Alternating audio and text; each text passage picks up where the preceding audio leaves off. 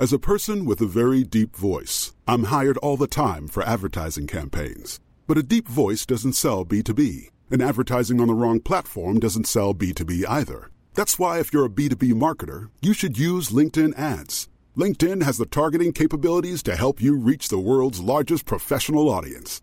That's right, over 70 million decision makers all in one place. All the big wigs, then medium wigs, also small wigs who are on the path to becoming big wigs. Okay, that's enough about wigs. LinkedIn ads allows you to focus on getting your B2B message to the right people. So, does that mean you should use ads on LinkedIn instead of hiring me, the man with the deepest voice in the world? Yes. Yes, it does. Get started today and see why LinkedIn is the place to be to be. We'll even give you a $100 credit on your next campaign. Go to linkedin.com slash results to claim your credit. That's linkedin.com slash results. Terms and conditions apply. Ryan Reynolds here from Mint Mobile. With the price of just about everything going up during inflation, we thought we'd bring our prices down. So to help us, we brought in a reverse auctioneer, which is apparently a thing. Mint Mobile unlimited premium wireless. Ready to get 30, 30, bit to get 30, bit to get 20, 20, 20, bit to get 20, 20, bit to get 15, 15, 15, 15 just 15 bucks a month. So, Give it a try at mintmobile.com slash switch.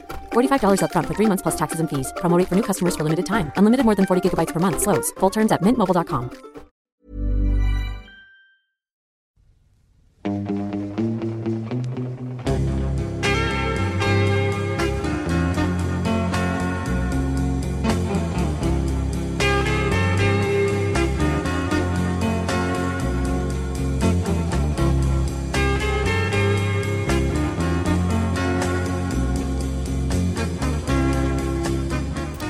Välkomna till Glappet. Jag heter Fredrik. Jag heter Matilda.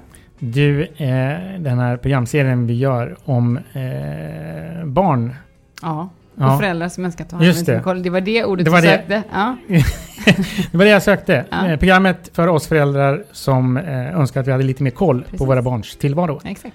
Eh, vi trampar oss fram i säsong två. Ja, det gör vi. Superspännande. Ja. Ja. Och det här programmet pratade vi lite, grann om i säsong ett redan att vi skulle göra. Mm. Men fick inte gjort. Just Så det. man kan säga att idag lever vi upp till våra löften. Ja. Så kan man säga. Och det handlar om barn, föräldrar och idrott. Ja. Vi har en gäst också. Exakt. Som ska hjälpa oss igenom det här. Henrik Mm. Jonsson är här, välkommen hit. Tack så jättemycket. Du är producent och programledare och idrottsengagerad förälder. Väldigt. Åh, vad roligt. Mm. Och sen har ju du eh, fått åka på ett OS. Och det är jag ju så avundsjuk på så att jag nästan inte kan tala om det utan att bli lite så här flammande på halsen. Då måste jag säga att jag har varit på två. Nej, fy fan. Det kan jag inte ta in. Aten 04 Är det sant? och Rio 12. Nej, 16. Ja, precis. Jag var i London men jag fick ju inte prata om Nej. det med någon annan än min man. Så Nej, det är lite mindre värt. Jag förstår. Ja. Och också varit inblandad i ett nytt program om eh, barn, eller flick, tjejer, flickor. Verkligen. Unga tjejer som lär sina pappor att rida. Man Mm. omkullkastar föräldrarelationen i det att papporna får, de stora starka kararna får lägga sitt öde i sina döttrars trygga famn. Eh, Hur går det? Det går alldeles utmärkt. Det som är intressant är ju att eh, papporna i regel tror sig veta vad de ska göra. De har sett sina döttrar göra någonting väldigt mycket, ser att de älskar någonting. Och nu ska de försöka göra det och samtliga underskattar detta omedvetet. Så de måste luta sig mot sina barn och sen möter de den stora skräcken. Det är när de sätter sig på hästen och förstår hur mycket muskler och hur många saker som kan gå fel Mhm. och hur ont det kan göra och den enda man kan vända sig till är dottern som säger din jävla mes, hoppa upp igen. Just det. Är det så här vi borde ha det mer i idrotten generellt? Man kanske inte ska kalla varandra mesa mer i idrotten, men jag tror att man ska vara närmre den som försöker prestera och framförallt eh, vara med och försöka säga till när någonting blir dåligt så man inte fastnar i det och står och håller med. Ja, det var ju synd att du sköt utanför, det var ju synd snutte. Utan upp igen, skjut en gång till. Just det. Det finns ett sånt fint ordspråk som jag använder alldeles för ofta. Vad som skiljer en vinnare från en förlorare. Och det är att en vinnare reser sig upp bara en gång till. I alla lägen. I alla lägen. Ja, det är underbart. Eh, Just för att jag inte har så mycket koll eh, på det här ämnet. Utan jag, här, jag har uppfattat att det är ett samhällsproblem att liksom föräldrar ställer för höga krav på sina barn och de beter sig illa liksom, i olika sportsammanhang. Eh, så jag var tvungen att googla. Och då har jag kommit fram till två intressanta siffror. Eh, det stod så här att det fanns en forskningsrapport som skrev att var femte barn mellan 8 och 14 år eh, förlorar glädjen till sin sport tack vare liksom, pushiga föräldrar. Ja, det är för jävligt. Eller hur? Men då undrar jag så här, om man har ett barn eh, som har någon slags uppenbar talang och man märker att så här, det här, liksom, här finns det någonting. Ska man inte vara på dem då? Jo, man ska vara på sina barn när de idrottar och inte vill gå till träningen och försöka få dem att förstå att då får du göra någonting annat eller får du sluta. Eller så får vi komma överens om vi ska ha det. Jag tror att när man idrottar och det man ska pusha i är att nu har du bestämt dig för att spela fotboll. Nu går vi på träningen klockan sex på tisdag och på torsdag. Och så har vi match till helgen. Vill du inte längre vara med så får du sluta. Eller får du spela fotboll med dina kompisar eller börja i en förening där det inte gör så mycket när man kommer och går. Jag tror att faran med barn och idrott är att man har så bråttom att definiera vad man ska ha det till. Att man tror att barnen ska bli professionella fotbollsspelare, om det nu är den idrotten man håller på med. Eller att de ska försörja släkt och familj med både stjärnglans och pengar. Medan problemet egentligen är ju att det är ju en ett barn per årskull som gör en landskamp i fotboll. Det finns vissa undantag. 71 i fotboll med Patrik Andersson och Björklund och Henrik Klasen. Eller 83 med Zlatan och. Andreas Isaksson och sådär. Men för att fråga, med, med din insyn i det här då. Eh, har det blivit eh, i ökande grad på senare tid med samhällsutvecklingen? Var det, var det inte likadant förr, om man säger, inom situationstecken? Jag tror inte det, i det att idrotten har blivit så extremt mycket mer kommersialiserad och därmed är det större pengar och därmed så har idrottsutövarna ökat i status. Jag tycker fotboll är en bra referens i det för vi säger början på 80-talet så var det ju spelare som var professionella och så spelade de fotboll och sen skaffade de sig ett jobb. Nu så blev du en professionell fotbollsspelare, åker runt i världen och spelar. Sen kommer du hem och så flyttar du in på Djursholm eller du flyttar in på Östermalm. Du har en plats i det högre samhällsskiktet. Att vara en, en, en stor atlet anses vara något väldigt fint. Innan så var man ju korkad för att man inte hade gått i skolan eller var lite, man kunde driva med att Björn Borg bara läste Kalanka när han var ute på turneringar och inte läste finare böcker och ville utbilda sig. Så det finns ju ett, en allmän status som är mycket högre hos idrottare nu än det förr som du pratar om. Mm, mm. Just det. Någon slags möjliggörande av klassresan. Verkligen, liksom, verkligen. Ja. Och det märker man ju också på de som lyckas i olika idrotter att de i allt högre grad kommer ifrån välordnade familjer. Kommer ifrån eh, områden där det är välskött. Du måste ju för att lyckas i idrott komma in i ett, i ett professionellt sammanhang väldigt tidigt. Och då är det ju barn i Stockholm, ofta från Bromma till exempel, eller Danderyd, Lidingö har jättefina fotbollsförutsättningar. Det finns ju fortfarande de som kommer från de tuffare områdena, men det blir väldigt mycket dyrare, väldigt mycket tidigare. Men jag tror också när man diskuterar barn, eh, problematiken i idrott i förhållande till föräldrar, att man alltid pratar om eliten, hur bra ska de bli? Och man är dålig på att prata om hur ska de fortsätta tycka att det här är roligt fast de inte är bra. Så gott som alla, kanske en promille kommer att försörja sig på det, men alla de andra då? Hur ska de tycka att det här är roligt fast de aldrig blev något och vara Men kvar i betyder det att den allmänna debatten om idrottens värden har eh, förskjutits? Ja, det har det nog gjort. För att nu pratar man nog bara om elit. Tidigare så fanns det väl ett friskvårdsperspektiv i det. Att det var bra att röra lite på sig efter skolan. Eh, Mm. Och att barn slås ju ut nu tidigare. När man är 13-14 så får man spela med någon som är lite sämre eller upp i en högre grad. Eh, och man har utbildningar väldigt mycket tidigare. Teorilektioner när man är 12 år. Det här, så här bygger man ett anfall, så här fungerar ett knä. Men kan ens liksom barn ta in det, tänker jag? Eller är det, liksom, är det möjligt att teoretisera idrott så pass tidigt? Eller är det ett vuxenperspektiv på idrott? Att man tror att det ska ha effekt fast man inte vet det? Jag tror att det är väldigt mycket vuxet i det för man vill gärna göra planer. Utvecklingsscheman, utvecklingsplaner. Här ska det vara då, här ska det vara då. Och man vill ha visa att man tar ansvar. Nu ska vi ha någonting som heter Locker Room Talk. Som är ett gäng som är ute och pratar om den kulturen i, i, i omklädningsrummen. Man vill ha ett jämställdhetsperspektiv för att det finns eh, har man det så visar man sig vara en del av samhället. Men fortfarande så är det ju eliten. Elitidrott är ju en, om ni ursäktar uttrycken, en väldigt fascistoid Ja. idé. Idé att man hyllar den starka och föraktar den svaga. Mm. Så vinnare och förlorare. Hur kommer vi, alltså det här är ju, det blir ju jävligt deppigt liksom. Kan jag tycka. Men vi alltså, pratar om det roliga sen. Tävlandet. Ja, exakt. Woho! OS. Ja. Nej men alltså om man nu tänker så här. Ja okej, det- vi, vi lirar med den tanken att det stämmer det du har sagt. Ehm, och att det här faktiskt är ett klassproblem. Liksom. Och det talar ju också, om man tittar på barnfetma eller andra saker kring rörelse så, så stämmer det överens med det som du säger. Eh, vad gör vi åt det? Hur får vi liksom, hur bryter vi att det är, det är inget fel på att det är Djursholm och Lidingöbarnen. De Nej. får gärna spela fotboll, det gör inget med någonting. Men eh, att vi också får med de andra, för det tänker jag också är viktigt för hela samhället. Ja. Jag håller med dig om att det är oerhört viktigt och även sagt när man nu då lite slarvigt nämner förorter som har en klang av sig att vara lite bättre beställda. Att de gör ju rätt, så att de gör ju inte fel. Nej, nej. Utan det är väl snarare att den organiserade idrotten måste finnas överallt och kanske inte alltid ha perspektivet av att vi ska vinna och komma längst fram. Vi ska tävla, vi ska förlora och vi ska vinna ibland. Men vi måste få de som kommer hit att tycka det är roligt att vara här. Så att det inte bara är de bästa som vi tycker mest om. Och det, Ja, där, det, alternativet är rätt svårt att få fram. För finns det någon i laget som vill bli bättre och en kommer och går lite som man vill så krockar det. Utan jag tror man behöver, man behöver bygga upp en ny idé om det. Det är lite som skolgymnastiken hade som uppdrag innan att, eller har väl fortfarande, att man ska prova på i olika idrotter. Man ska upptäcka glädjen i att röra på sig. Kroppen är ju någonting som måste röra på sig, och det är att det är en levande materia. Men det är, eh, jag tänker ju osökt på eh, den gamla definitionen av idrottsrörelsen. Förenings-Sverige. Mm. Du vet, det här gamla folkhemsbeskrivningen.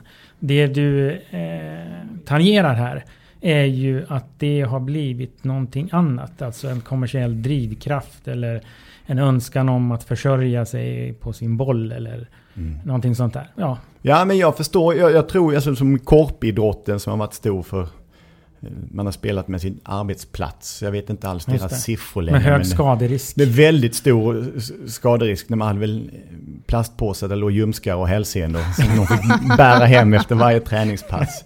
Att det kanske skulle utvecklas också för yngre, yngre barn. För att det är ju lyckan i att lyckas i idrott är så omkastande. Blir du riktigt bra i fotboll så kommer du kunna vara ekonomiskt oberoende i generationer.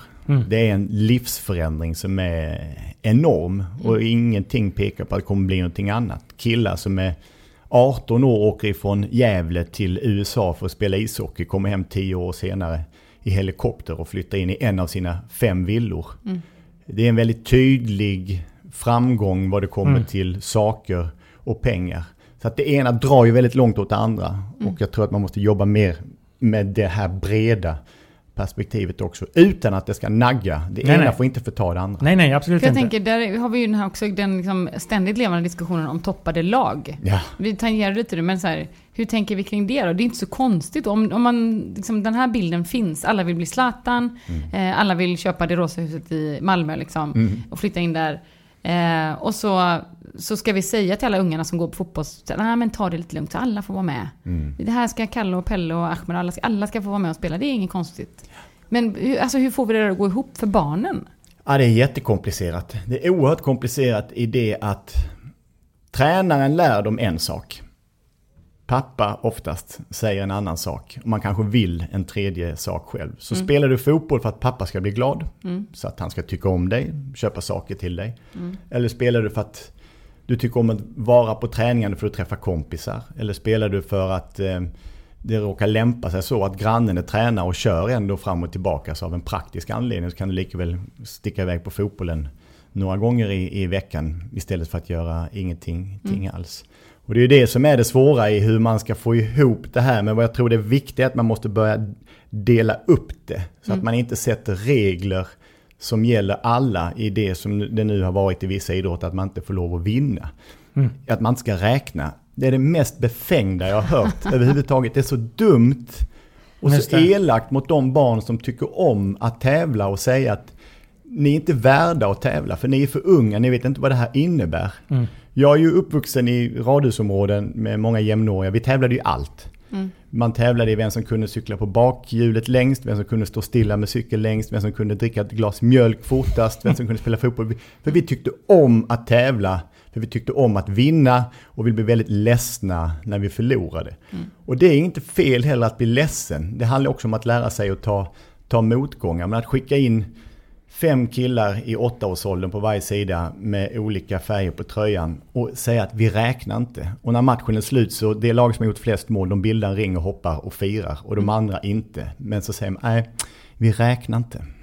Fast jag tycker, för mig finns det ju någonting sympatiskt i det. Utifrån, om, du, om vi är tillbaka på min grundfråga, Mm. så här, hur, hur, liksom, hur får vi liksom botten och toppen att hänga ihop? Mm. Så, så är min filosofi snarare att alla barn utvecklas i olika tempo. Det finns Ja. ingenting som säger att bara för att du spelar med 08 i fotboll så är du så bra eller dålig som en 08 ska vara. Utan det kan ju vara så att det, liksom, ibland kanske 06 borde spela med 07 och ibland borde 07 spela med 0. Vad, vad vet jag liksom.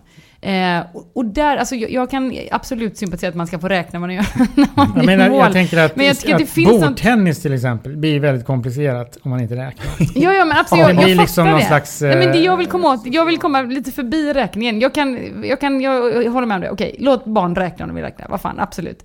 Men just det här liksom, i, vi pratar ganska mycket om det hemma hos mig. Eh, att, man, att man lär sig olika tempo, man lär sig olika saker. Det har inte liksom med vilken årskurs man är i skolan. Eh, min äldsta, hon var svinliten när hon lärde sig cykla. Jag tror att hon var tre och ett halvt liksom. Eh, men så finns det andra saker som liksom, hon har svårare för nu, som hon kanske inom situationstecken borde kunna. För att hon går i trean. Och då pratar vi ganska mycket om så här, ja men man utvecklas på olika sätt och ibland är man före motoriskt och ibland lär man sig olika saker och så. Och där tänker jag att det blir komplicerat eller jobbigt när man då ska mäta eller vinna eller liksom räkna. Ja. För att alla barn är inte och kan inte vara liksom lika bra. får jag fråga, men du menar för tidigt?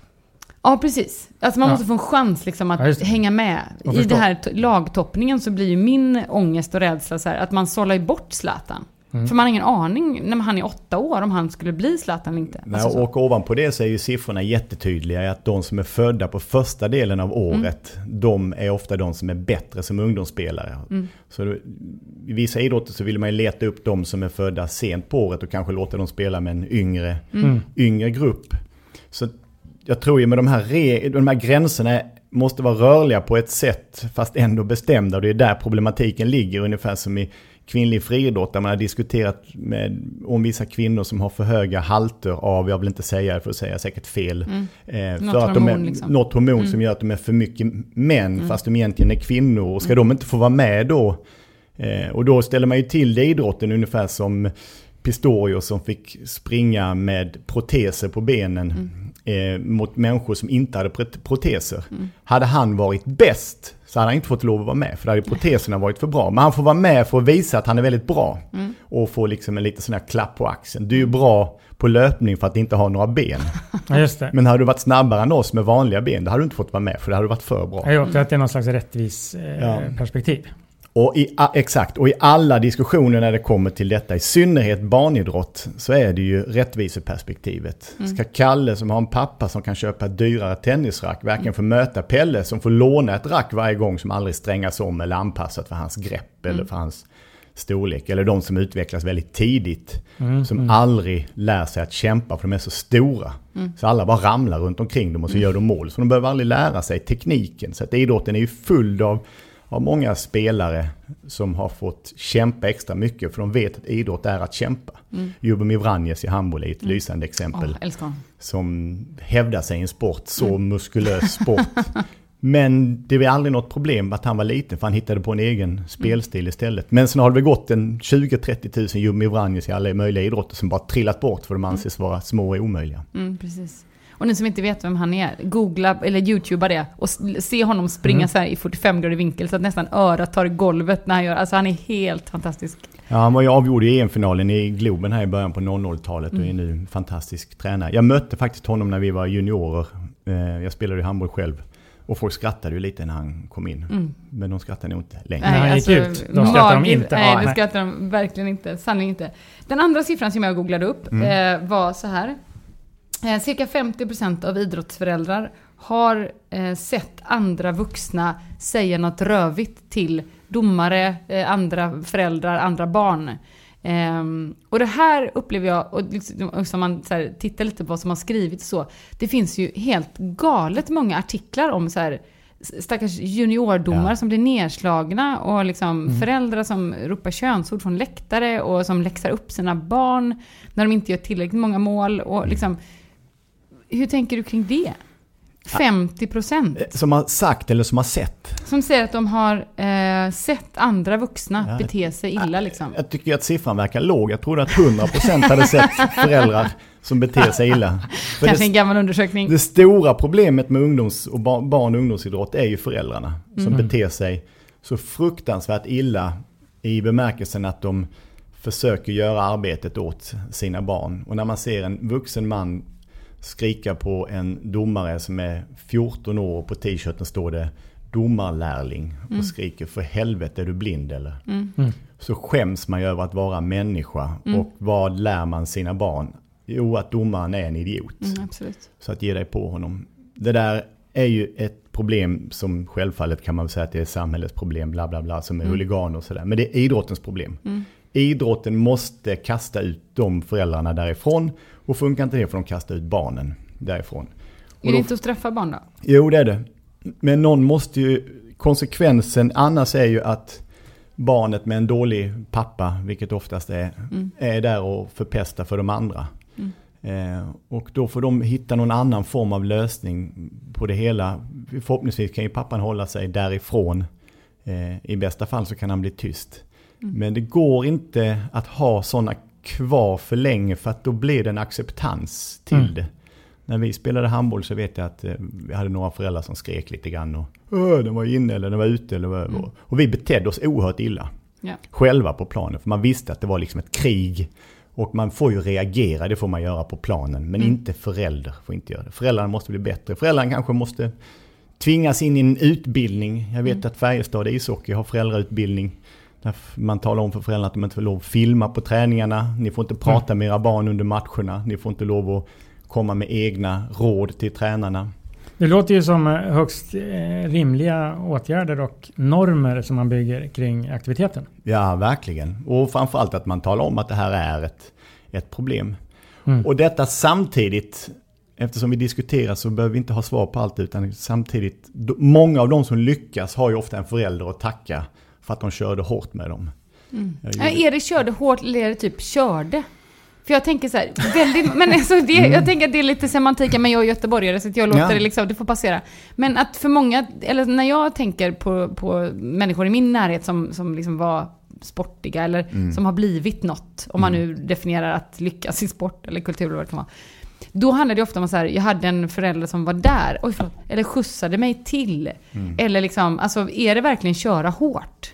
Det har nog väldigt mycket att göra med vad det är för sport du håller på med. Mm. De som håller på i ridningen har kommit hela vägen utan föräldrahjälp. De är väldigt få. Ja. Jättefå. Det finns en dressyrryttarinna som heter Therese, Nil, Therese Nilshagen.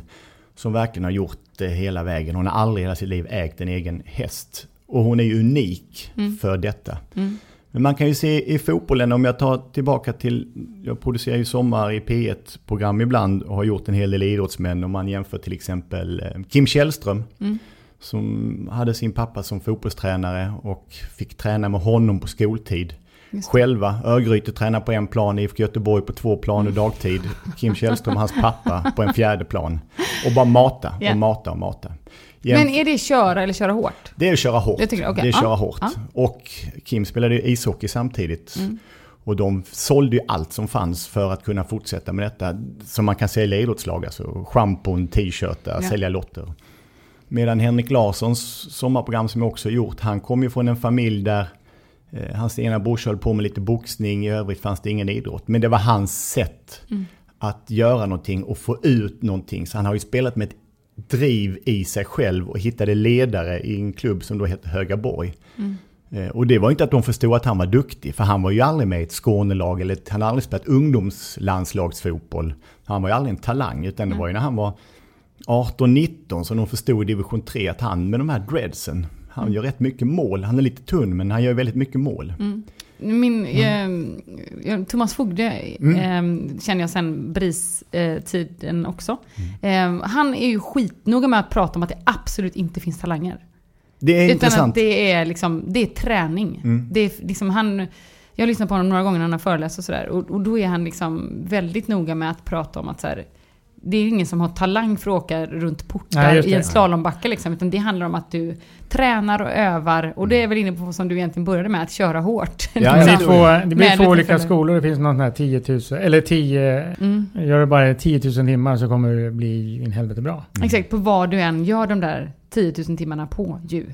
Ja, att du Eller tränar liksom- rätt med ja, rätt tränare, med rätt boll i rätt, rätt sammanhang. Så att man inte lär in sig fel, för det är många som har, har gjort det också. Jag Men tror, det är ju väldigt många eh, barn som verkar skickliga och de har ju uppenbart inte eh, tränat 10 000 timmar. Nej, men de är ju bara bra i, i ett sammanhang med andra som inte heller har tränat så, Okej. så mycket.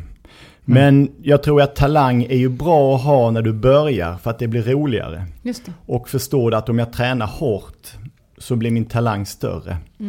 Min fru Malin Bajard är ju typiskt en talangryttare som hade väldigt, som man tidigt har så en stor talang hos. Ovanpå det så är det det enda som hon har gjort från det att hon var barn till nu vuxen. Hon har ju ridit i landslaget i 30 år. Och det kan man inte göra på talang. Men det är en väldigt bra egenskap att ha för att då är det enklare att underkasta sig den träningen som ingen kommer undan, den som Thomas Fogde pratar om. Du kan inte sitta på krogen och sen gå till träningen. Utan du måste ha värden, du måste ha träning, du måste ligga med i utvecklingen. Och du måste se till så att du har en infrastruktur runt, runt om det. Även i lagsporten när du kommer upp hela vägen. Jag hörde Neymar hade 200 personer med sig på fotboll, på OS. Som bara jobbar med honom, hans liksom commercial rights och grejer.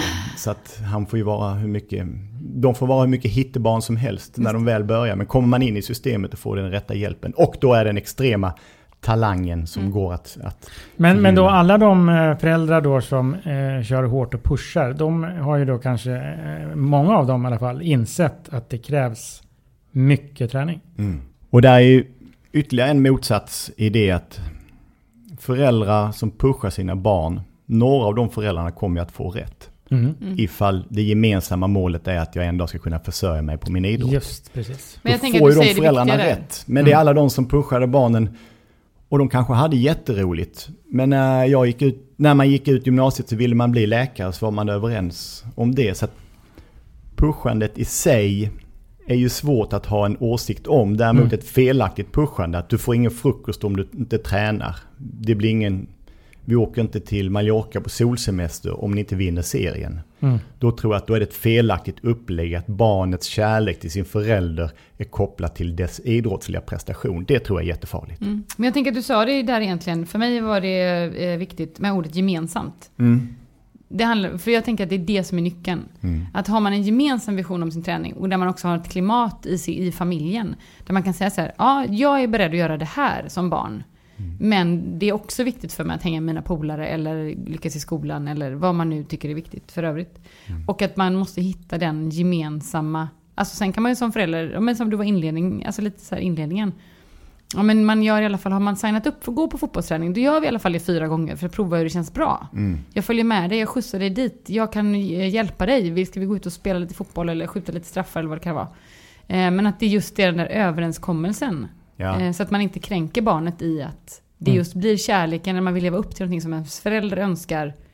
För då går det alltid åt skogen. Ja. Förr eller senare tänker jag. Och, och att, precis, och att man heller inte å andra sidan inte blir rädd för att ställa krav. Jag har ju två söner som idrottar. Den äldste som är 12 spelar handboll och han som är 8 spelar fotboll och handboll. Och jag kör dem med glädje till båda delarna. Men de måste ha sina grejer på plats.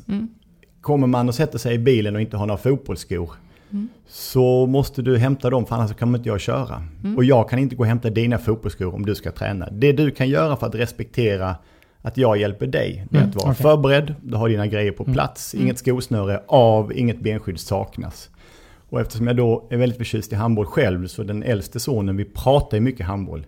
Vi står i trädgården och matar mycket passningar och skott. Jag var ju målvakt när, när jag spelade och han tycker om att skjuta så att det kan vi göra. Och det är inte, men jag får ju heller aldrig... Vill inte han så vill inte han. Det får inte bli min karriär eller min, mina brustna drömmar som ska uppfyllas genom honom. Så att det är ju ett, det är ju, det är ett ansvar som måste tas på bägges, på bägges eh, och bägges vägnar. Att jag som vuxen bestämmer över dig som är barn för att jag är din förälder tills dess att du är myndig och får bestämma själv. Så att jag måste ju, måste ju sätta gränser även där på samma sätt som hur dags ska man gå och lägga sig och vad får man äta till frukost. Vad heter det? Eh, idrotten är ju också en arena för att lära sig eh, regler, normer. As a person with a very deep voice, I'm hired all the time for advertising campaigns. But a deep voice doesn't sell B2B, and advertising on the wrong platform doesn't sell B2B either. That's why, if you're a B2B marketer, you should use LinkedIn ads. LinkedIn has the targeting capabilities to help you reach the world's largest professional audience. That's right, over 70 million decision makers all in one place. All the big wigs, then medium wigs, also small wigs who are on the path to becoming big wigs. Okay, that's enough about wigs. LinkedIn ads allows you to focus on getting your B2B message to the right people. So, does that mean you should use ads on LinkedIn instead of hiring me, the man with the deepest voice in the world? Yes. Yes, it does. Get started today and see why LinkedIn is the place to be to be. We'll even give you a $100 credit on your next campaign. Go to linkedin.com slash results to claim your credit. That's linkedin.com slash results. Terms and conditions apply. Hey, I'm Ryan Reynolds. At Mint Mobile, we like to do the opposite of what Big Wireless does. They charge you a lot, we charge you a little. So naturally, when they announced they'd be raising their prices due to inflation, we decided to deflate our prices due to not hating you. That's right. We're cutting the price of Mint Unlimited from $30 a month to just $15 a month. Give it a try at mintmobile.com slash switch. $45 upfront for three months plus taxes and fees. Promo rate for new customers for limited time. Unlimited more than 40 gigabytes per month. Slows. Full terms at mintmobile.com. As a person with a very deep voice, I'm hired all the time for advertising campaigns. But a deep voice doesn't sell B2B, and advertising on the wrong platform doesn't sell B2B either. That's why, if you're a B2B marketer, you should use LinkedIn ads. LinkedIn has the targeting capabilities to help you reach the world's largest professional audience. That's right, over 70 million decision makers all in one place. All the big wigs, then medium wigs, also small wigs who are on the path to becoming big wigs. Okay, that's enough about wigs. LinkedIn ads allows you to focus on getting your B2B message to the right people. So, does that mean you should use ads on LinkedIn instead of hiring me, the man with the deepest voice in the world? Yes. Yes, it does. Get started today and see why LinkedIn is the place to be to be. We'll even give you a $100 credit on your next campaign. Go to linkedin.com slash results to claim your credit. That's linkedin.com slash results. Terms and conditions apply. Hur man beter sig och så vidare. Eh, hur mm, var du som eh, idrottsungdom? Eh, Jag var hemsk. Verkligen. Jag tror att jag är den yngste som fått ett rött kort på dåligt uppträdande. Det var ändå målvakt och bara... Och sen min bästa kompis, eh, han fick det året efteråt. när Han gav finger till domaren och kallade honom för bondpitt. Vad gjorde du? Eh, Jag sparkade iväg bollen två gånger och så skrek jag på honom. I bara ren frustration. Jag minns det oerhört tydligt att jag var i ett tillstånd av fullständig desperation. Vi höll på att förlora en match. Han och jag var sen även avstängda från Skånelaget. På dåligt uppträdande för att vi hade långt hår och snusade. Så att vi, men man har ju lärt sig i gruppen, det var ju aldrig gruppen som vi ifrågasatte, det var aldrig gruppen som vi gick emot. Vi var ett oerhört starkt lag som vann, vi var duktiga. Och vann vi inte, eller skulle någon slå oss, då skulle det kosta på. Vi var väldigt drivande och den gruppkänslan kan jag ibland känna igen när man hamnar i en redaktion till exempel, gör tv-program att nu gör vi det här tillsammans. Vi ska inte titta på varandra och säga eh, platsar du i det här gänget? Är du det bästa på den här positionen? Nu är det vi. Nu är det bara vi. Och jag tror att där har idrotten en jättemöjlighet att uppfostra barn genom att göra det genom att göra det bättre än hur vi hade det. Där tycker jag idrotten tar ett större, eh, större ansvar än innan. Att man, alla behöver inte bli elitidrottare. Man, men man kan bli en bättre människa. Man Mm. kan inordna sig i en grupp. Man kan ta sitt ansvar. Det, det. som jag upplevde faktiskt första gången. Jag tillhör väl de sent utvecklade som Matilda pratade om. När jag gjorde lumpen, när jag helt plötsligt förstod Mm. poängen av att passa tider, Mm, bädda sängen, ha grejerna i ordning. Jag, hade, jag, jag gjorde det emellanåt för att jag inte ville ha skäll tidigare. Men jag förstod aldrig poängen i det. Nej, men eh, sent skall syndaren sona. Verkligen. Och jag Eh. kan alltid skylla på att jag är född 22 december. Så det är liksom Ja. inget proffsmaterial i mig. Så därför tittar jag på sport hela tiden och Mm. utövar inte så mycket. Men, men eh, jag har ju jobbat i det militära. Mm. Man kan inte tro det. Nej, Men eh, det är faktiskt sant som officer. Oj. Och då hade jag en, en chef som sa så här. Eh, eh, titta gärna i eh, de här värnpliktskorten. Eh, vad de sysslar med på fritiden. För då kan man bilda sig en uppfattning. Eh, elitidrottsmän inom fotboll och hockey är dåliga på att ta personligt ansvar. Intressant. Därför att det är andra som eh, servar. Väldigt intressant. Och jag tror att eh, han hade en liten kanske Vet du poäng. vad, jag gör det här nu för tiden. Det här har jag kört på dig. Mm. Nu, nu kommer du få en flashback nu när det jag ska berätta. Ja. Det, det handlar om att hästtjejer är ju de man ska anställa. Det är en Absolut. tes jag har. Mm. Så här, de är vana att gå upp tidigt, de mockar skit, de har hand om djur som är asstora och väldigt bestämda och får kontroll över dem. Mm. Kommer du ihåg att jag har sagt Ja, det till dig? Ja, jag det. Så det har jag som så här, när jag eh, lyssnar och människor frågar mig om jag har tips på folk och så. Så är jag Mm. så här, "Ja, jag har några hästtjejer som jag skulle vilja rekommendera Ja, just det. Men, ba, ba, till eh, bra jobb. Och jag tror verkligen jag på tror det. också det. Eh, Men jag tror, verkligen. jag tror också så här, för att jag sa till honom så här, ja fast de är också väldigt bra team players. Mm. De är bra på att samarbeta. Det är möjligt. Mm. Men utan ansvarskänsla blir det platt fall. Ja, Just det där är ju väldigt intressant. Det är det med fotbollsspelare och hockeyspelare som har svårt att få ordning på sitt liv efter det att de, de slutar. De är ju så oerhört omhändertagna. I de absolut största fotbollsklubbarna så tar man ju blodprov varje dag. Man mäter allt, allt, allt, allt. Och sen äter de fel så sätter man in en kostrådgivare. Gör man det, du behöver i princip inte kunna klockan för att spela i, i ett lag som Barcelona för att ta ett, ett tydligt exempel. Och den ansvarslösheten ta sig, att komma själv med den ut i det civila livet är ju farligt. Jag vet ju när du slutar, man, när du, när man slutar som NHL-spelare så får man ju eh, äktenskapsrådgivning och det fanns ju en siffra att de som slutade i NBA, basketspelarna, hälften av dem går i personlig konkurs och skiljer sig inom tre år eller någonting. För att du står där utan det enda som du kan med, och anses vara någonting. Fast du inte är det längre. Oj. Eh, Att det är såklart en oerhört stor identitets eh, förändring. Som, Men som finns det en till. risk att det här går ner i åldrarna för tidigt? Ja. I ungdomsidrotten? Ja, det tror jag. Det är ytterligare något eh, faktiskt som man borde ha med. Hur mycket ansvar man delar ut till spelarna. Man pratar ju ofta om ledare i lagen. Man kan inte ha för många ledare. Men det är viktigt att ha en bra ledare. Fotbollslandslaget är ju fantastiska nu med Andreas Granqvist som är en ledare som spelar för de andra. Vår tidigare ledare, Zlatan, spelade ju för sig själv. Och de andra skulle spela för honom. Det var ju väldigt tydligt. Nu har man en spelare som på pappret inte alls är närmelsevis i närheten av hans meriter. Men som leder ett lag på planen. Just det. Man vet vad man ska göra. Och jag vet inte om det går att sätta ut 11 sådana ledare. Så du behöver nog dem utan ansvar också när man säger till en. Du ska springa rakt här fram och tillbaka. I 90 minuter. Ställ inga frågor, gör det. Men det finns någon sån här speciellt eh, spännande historia om Zlatan. Eh, på det här temat lite grann. Mm. Eh, man frågade om vad har du för relation till dina tränare? Då sa han, jag lyssnar. Jag lyssnar inte. Mm. Jag lyssnar. Jag lyssnar inte. Jag lyssnar. Jag lyssnar inte. Därför att eh, risken är att man lyssnar för mycket på tränaren så blir man som alla andra. Så är det ju verkligen. Och så är det ju inom allting. All form av uttrycksverksamhet. Men jag tror ju att om du ska kunna spela riktigt bra frijazz.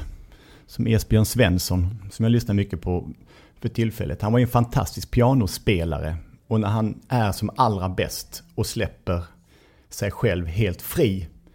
Då kommer han på en nivå som ingen annan kommer upp i. Och jag tror att lyssna på tränaren och fundera lite på vad du vill säga. Men förstör inte för laget för att du tror att du är bättre. Det är upplever jag när jag tittar på ungdomsfotboll nu att det är alldeles för många som, okej, okay, jag hör vad du säger tränaren, men jag har en större plan för det här.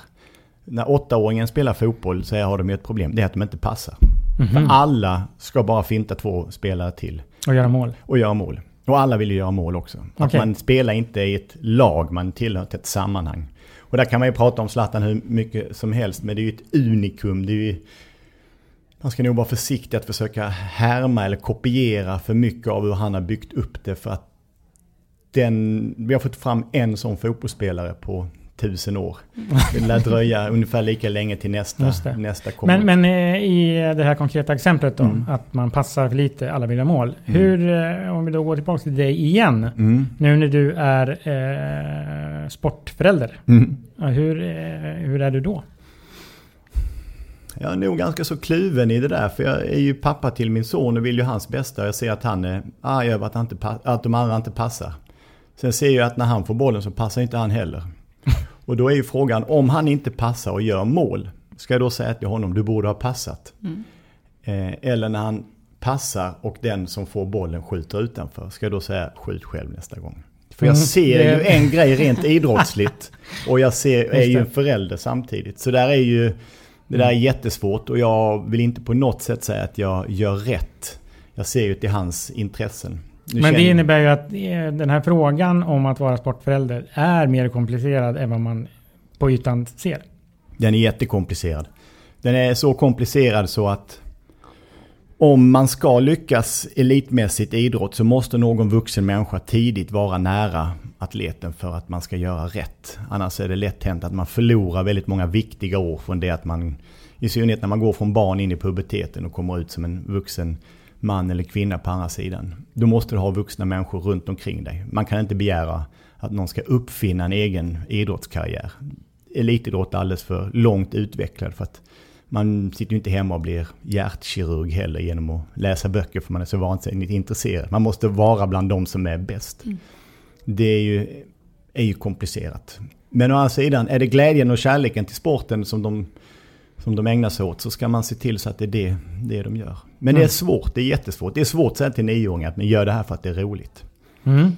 Men jag tänker att vi, har ju, liksom, vi har ju varit där och pillat lite. Mm. Och att det ändå måste vara lusten någonstans. Ja. Alltså även om det är liksom, du ska drivas mot någonting eller om det är din dröm som barn. Mm. Så måste du ändå, alltså den dagen tänker jag, apropå Carolina Klüft som är helt fantastisk, mm. är att prata om det.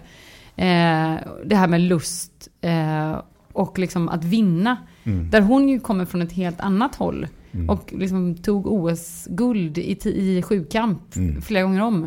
Och sen när det var dags för London så var nej men jag, jag tror jag tar längdhopp. Mm. Och den liksom samlade presskåren och tyckarkåren i Sverige var så här, du är så jävla korkad! Ja. Är du säker på att du tar guld i längdhopp? Och hon bara, nej jag är inte säker på att ta guld i längdhopp. Men fan det är roligt, jag är trött på sjukamp.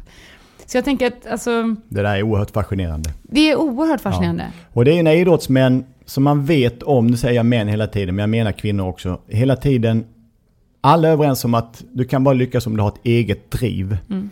Och när de har ett driv och lyckas så exceptionellt som Carolina Klüft mm. gjorde. Och sen känner nu är inte det roligt, nu ska jag göra någonting annat. För nu ska jag se detta. Mm. Och alla har skrattat åt henne när hon har sagt, men jag gör detta för utmaningen. Jag gör detta för att jag tycker det är roligt att se om jag klarar av det. Jag tycker det, hon har sagt någonting om och om, och om igen i flera år. Och sen när hon agerar ut efter det mm. så får hon kritik. Mm. Varför slutar du med det? Det är ju likadant som med Björn Borg. Mm. Som vigde hela sitt, sitt, liv till att spela tennis och sa att han skulle bli bäst i världen. Och när han var bäst i världen, då slutade han att spela. För det, var inte, det fanns ingen anledning att spela längre. Och det där är intressant när en elitidrottsman bryter ackordet. Det finns ett fint exempel i, i handbollen med en kille som heter Kim Ekdahl Durey från Lund som var jätteduktig pojkspelare och sen skulle han bli proffs. Eh, och då blev han det först i Frankrike ett år och sen i Tyskland. Och blev en av de bästa spelarna i Bundesliga. Vann Bundesliga. Eh, tjänade jättemycket pengar och slutade spela handboll för att han tyckte att eh, han ville göra någonting annat. Han var sugen på att resa runt jorden.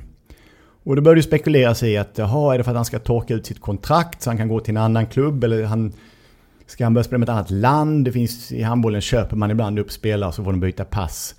Man utgick från att hans driv var att fortsätta idrotta. Man hörde vad han sa men förstod inte när han sa jag har aldrig tyckt det varit speciellt roligt att spela handboll. Jag har aldrig, jag har aldrig liksom kämpat eller drömt om någonting. När vi väl är på planen då är det kul. Men allt annat runt omkring, träna, bussresor, så jävla tradigt. Nu fyller jag snart 30, nu tänker jag åka jorden runt.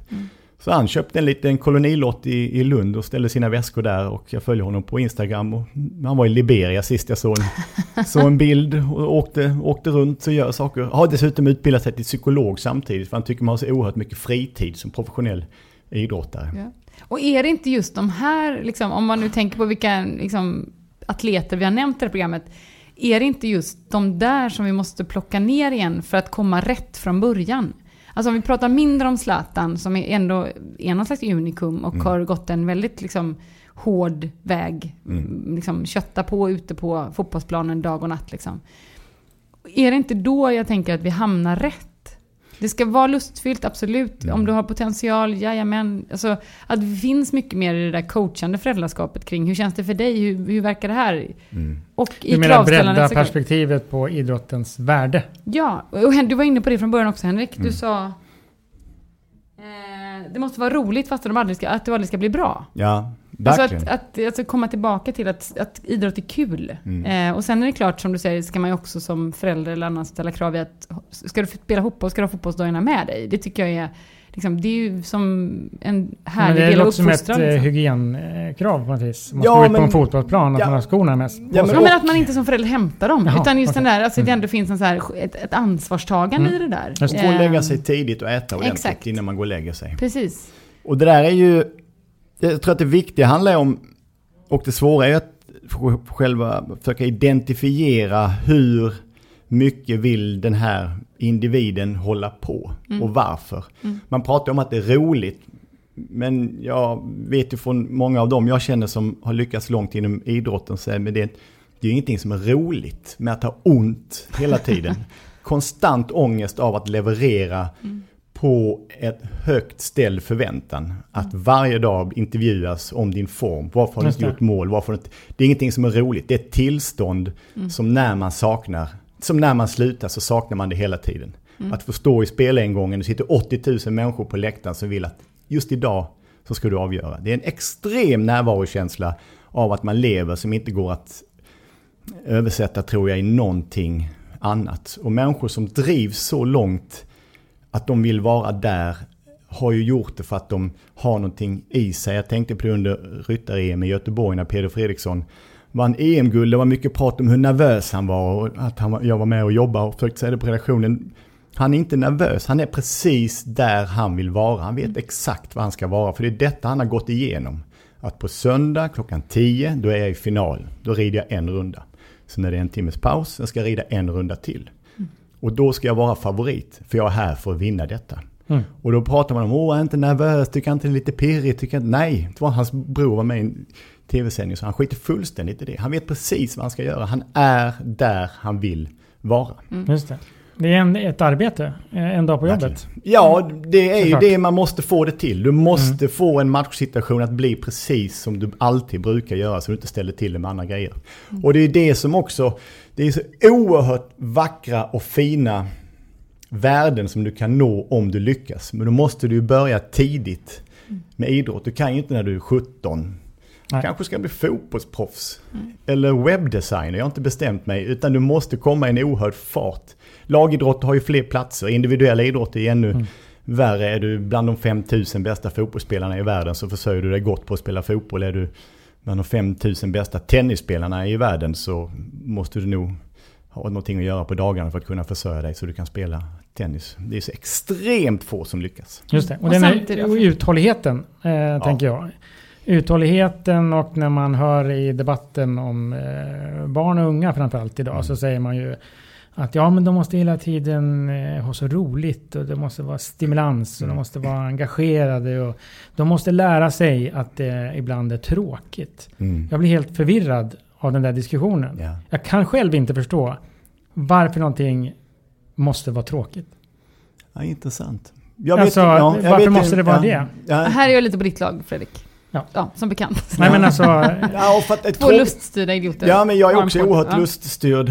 Tråkigt i bemärkelsen att om du gör detta nu så kommer det att bli bättre sen. Jag vet, jag pratar mycket med de jag um- umgås med fortfarande i, i, som jag spelade handboll med. Vi var ju som sagt ett duktigt pojklag och var duktiga juniorer men blev inte speciellt mycket som seniorer. Vi spelade näst högsta serien. Men jag vet ju när vi var i den känsliga åldern 16, 17, 18, 19. Vi ville ju bara träna. Man ville bara träna hårt och mycket, ännu mer. Och gjorde det ont så tejpade man eller man, satte man på någon tigerbalsam. Man ville bara köra. Man ville vara i en konstant eh, tryck. Och det är inte speciellt roligt att springa milen på 38 minuter. Men när man hade gjort det så mådde man så jävla bra. Imorgon ses vi och så gör vi det en gång till men då ska vi springa ännu fortare. Man lever i, i en sån grej och driver varandra oerhört hårt. Och det är inte roligt. Det är därför det är inte så haha vad skojsigt det här ska bli att spela fotboll. Det är ju väldigt ångestrelaterat. Vet jag alla elitidrottsmän, ja nog alla som jag har haft att göra med, kan relatera till ångesten över att hålla på med, med det man gör i den här ständiga pressen och att hela tiden vara rädd om kroppen samtidigt som du utsätter dig för extremt stor fara. Som att spela handboll till exempel på professionell nivå. men det är någon slags tänker- uthållighet. Ja, verkligen. verkligen. Och eh, ännu mer nu när man slår igenom mycket senare. Förr om åren så kunde man slå igenom tidigare. Mats Wilander var ju 16 år när han var franska öppna i tennis. Nu är man ju 26, 27 när man börjar klättra i tennisrankingen. Och i ridning är det också. Vad gör du liksom under den perioden från gymnasiet till du ska bli en idrottsmänniska? Där finns ju ett glapp där det kommer att halka runt väldigt många vilsna människor, vuxna människor som hade idrottsdrömmar som nästan bar sig men det blev inget av det. Och jag vet ju man pratar ju om att det har kommit en ny form av pojkångest. Det är 13-åriga killar som förstår att de inte kommer bli fotbollsproffs. För när man är 7-8 då gör man en lista på vilka klubbar man ska spela i. Och gärna i hur många säsonger. Två år i Milan, tre år i IFK Norrköping. Sen vill jag nog vara i Spanien lite. Och sen när man är 13 så fattar man det här kommer ju aldrig hända. Vad fan, Vem, var- varför är det ingen som har sagt det till mig? För jag tänker att vi, att vi måste ta tillbaka det. Nu har vi varit ute och, och Mm. liksom lirat i elitsvängen fast det är egentligen inte där vi vill vara. Nej men det är Eh, ändå, så det är ändå jätteintressant därför att Ja, det är den oerhört. målbilden som driver Ja. föräldrar Ja, och barn tills de ibland är och, 13 och där jag i hemlighet egentligen också vill vara. Jag, jag, tror att, jag tror att det är allas gemensamma hemlighet. Absolut. Om inte jag kan göra det så kan i alla fall mina barn göra det. Eller hur? De ska, de, Men de jag ska har- få chansen. Exakt. men nu får jag ska bara dricka en öl. Ja, jag ska bara ge dem förutsättningar att jag skjutsar, jag fixar. Mm. Men jag måste ställa en så här konkret fråga eh, också till dig som idrottsförälder. De här 50 procenten av, av föräldrarna som hör någon annan förälder, eller om det är fler nu, som säger något otrevligt eller som gör någonting. Vad ska man göra tycker du? Ska man säga ifrån? Tar man det med klubbledningen? Skickar man ett mail? Har du något så här spontant liksom? Eh, Jag tycker man ska skicka ett mail till klubbledningen och så ska man, eh, om man har bra kontakt med tränaren, prata med honom. Och är det då ens egna klubb som håller i arrangemanget så tycker jag att man säger till domarna att är det någon som skriker någonting som låter illa så blåser vi av matchen. Då är det över. Eh, Just det. Vi har en, eh, eller en familj som bor nära oss som har två söner som är i samma åldrar som, som våra barn. Där pappan själv är gammal fotbollsspelare och numera tränare dömer ibland. Och han är en förebild i märksen. För han talar om för killarna hur de ska, sköta sig, hur de ska sköta sig. Han talar om dem på läktaren hur de ska sköta sig.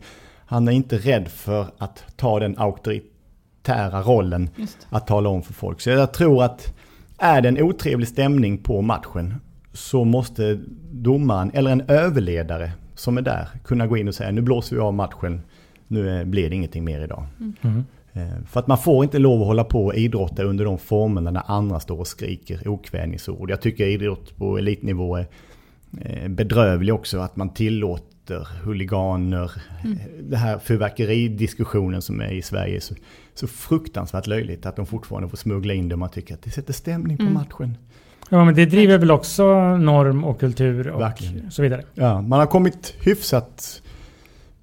um, Man har blivit av med huliganer i England och jag har varit på fotboll där och då sitter det klistermärken liksom. Mind your language. Det finns barn som är här, du behöver inte kalla dem för, för nedsättande ord, motståndarna och, och så vidare. Och så skyller man på, man måste få reagera. Ja det måste man, men man måste också få vara människa och vara en, någon, någon form av förebild. Absolut. Just det. Du, hur har vi det med den här listan? Ja, vi jag summerar misstänker, alltid på att, slutet. jag misstänker Ja. att den kommer bli lång. Den kommer bli så lång. Alltså, jag hade kunnat stå här resten av dagen. Vi Men har, inte du ens, får- kom, vi har inte ens nämnt Vinterstudion. alltså, Va? alltså, vi har fan inte ens... Ja, det, är så, det är så dåligt. Eh, bakläxa till mig själv. Ehm, eh, så här skulle jag sammanfatta. Nu ska jag alltså sammanfatta vad vi har pratat om Henrik, så nu får du, du får protestera på slutet. Mm. Ehm, jag tycker att... Eh, jag vill eh, säga att den första punkten, jag måste bara läsa igenom vad jag har skrivit. Den första punkten som vi faktiskt har varit inne på och som jag tycker är helt avgörande i det här poddavsnittet är ta reda på ditt barns varför. Ja. Varför vill barnet sporta? Varför vill har barnet valt en viss sport? Prata gemensamt om eh, nu kör vi det här ett halvår, vi testar, hur känns det? Det är ett träningar två dagar i veckan, då vet du det, då signar vi upp på det, då kör vi två månader och testar, sen kan vi utvärdera. Men att göra en gemensam plan och fundera på barnets varför. Eh, nummer två som jag skulle vilja eh, prata om eller nämna, det är att det ofta är vi föräldrar som är problem, problemet eh, när det kommer till idrott. Det är vi som pushar för hårt, eller det är vi som säger dumma saker, eller det är vi som inte kan bete oss som vuxna. Och att här behöver idrotten på något sätt kanske hjälpa till att uppfostra oss genom föräldrautbildningar eller annat. Och där tycker jag också man kan fundera över så här, hur är du som förälder och hur reagerar du på andra föräldrar som inte liksom, uppför sig okej. Eh, det tycker jag känns viktigt. Eh, och nummer tre, att det ändå någonstans måste vara kul. Alltså jag tänker ändå det. Oavsett om man är Zlatan eller Carolina Klüft så tror jag någonstans börjar det en lust. Och vi behöver fundera över hur får vi tillbaka lusten eh, hos alla barn att idrotta. Inte bara de barnen som har föräldrar som kan pusha dem eller vara de där vuxna som kör hårt med en. Och, Känns det rimligt eller? och Ja. den fjärde lägger Och jag till. fjärde- Ja, vad, åh, ska du, det är första gången Ja, men nu i eh, glappets poddhistoria. Ja. kliver jag in Ja, varsågod. Och eh, tar upp det här med att det är okej att räkna. Det är till och med bra att räkna. Mycket bra. Mycket Annars så bra. blir det lite platt fall in, inom eh, idrottens grundhörnstenar. Annars lärde du dig aldrig att förlora. Nej, Just det. precis. Just det. Då måste vi ta, ta emot, vi som föräldrar måste ta emot våra barn när de förlorar och lära oss dem att det är okej. Mm. Så är vi överens om jag då säger att problemet med barn som tävlar är de vuxna. Ja. Mm. Jättebra. Det var det Fint. viktigaste av allt. Du hade- en bra punkt till där som, eh, vad var din punkt nummer två? Min punkt nummer två var att det var föräldrar som är problemet. Ja, ja nej men du vet jag, punkten var, förlåt. Så vi, är, så vi är överens om att problemet med barns tävlande är de vuxna. Mm. Och att eh, det måste finnas ett ställe för barn som vill idrotta bara för att det är kul. Ja. Att få lov att göra den idrotten där också. Ja, Så att inte alla ska drivas åt att bli bättre hela tiden. exakt. Bra. Bara luststyrt. Kan man kolla Fantastiskt. på dokumentären om Carolina Klüft så kan man njuta. Ja, Ja. härligt. Eh, tack så mycket. Ja, tack Henrik. Det var Underbart. väldigt trevligt att få vara här. Tack så Ja, mycket. Tack. tack själv. Vi hörs. Och eh, tack du. Hej då. Hej.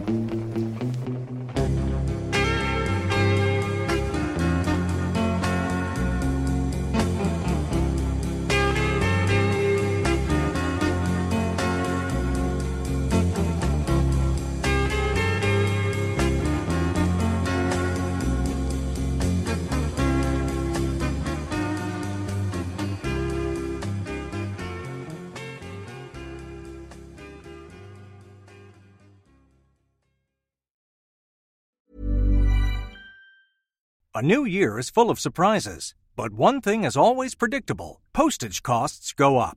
Stamps.com gives you crazy discounts of up to 89% off USPS and UPS services. So when postage goes up, your business will barely notice the change. Stamps.com is like your own personal post office, wherever you are. You can even take care of orders on the go with the mobile app. No lines, no traffic, no waiting. Schedule package pickups, automatically find the cheapest and fastest shipping options, and seamlessly connect with every major marketplace and shopping cart. There's even a supply store where you can stock up on mailing supplies, labels, even printers. Stamps.com has been indispensable for over 1 million businesses just like yours. All you need is a computer or phone and printer. Take a chunk out of your mailing and shipping costs this year with Stamps.com. Sign up with promo code PROGRAM. For a special offer that includes a four week trial, plus free postage and a free digital scale. No long term commitments or contracts. That's stamps.com code PROGRAM.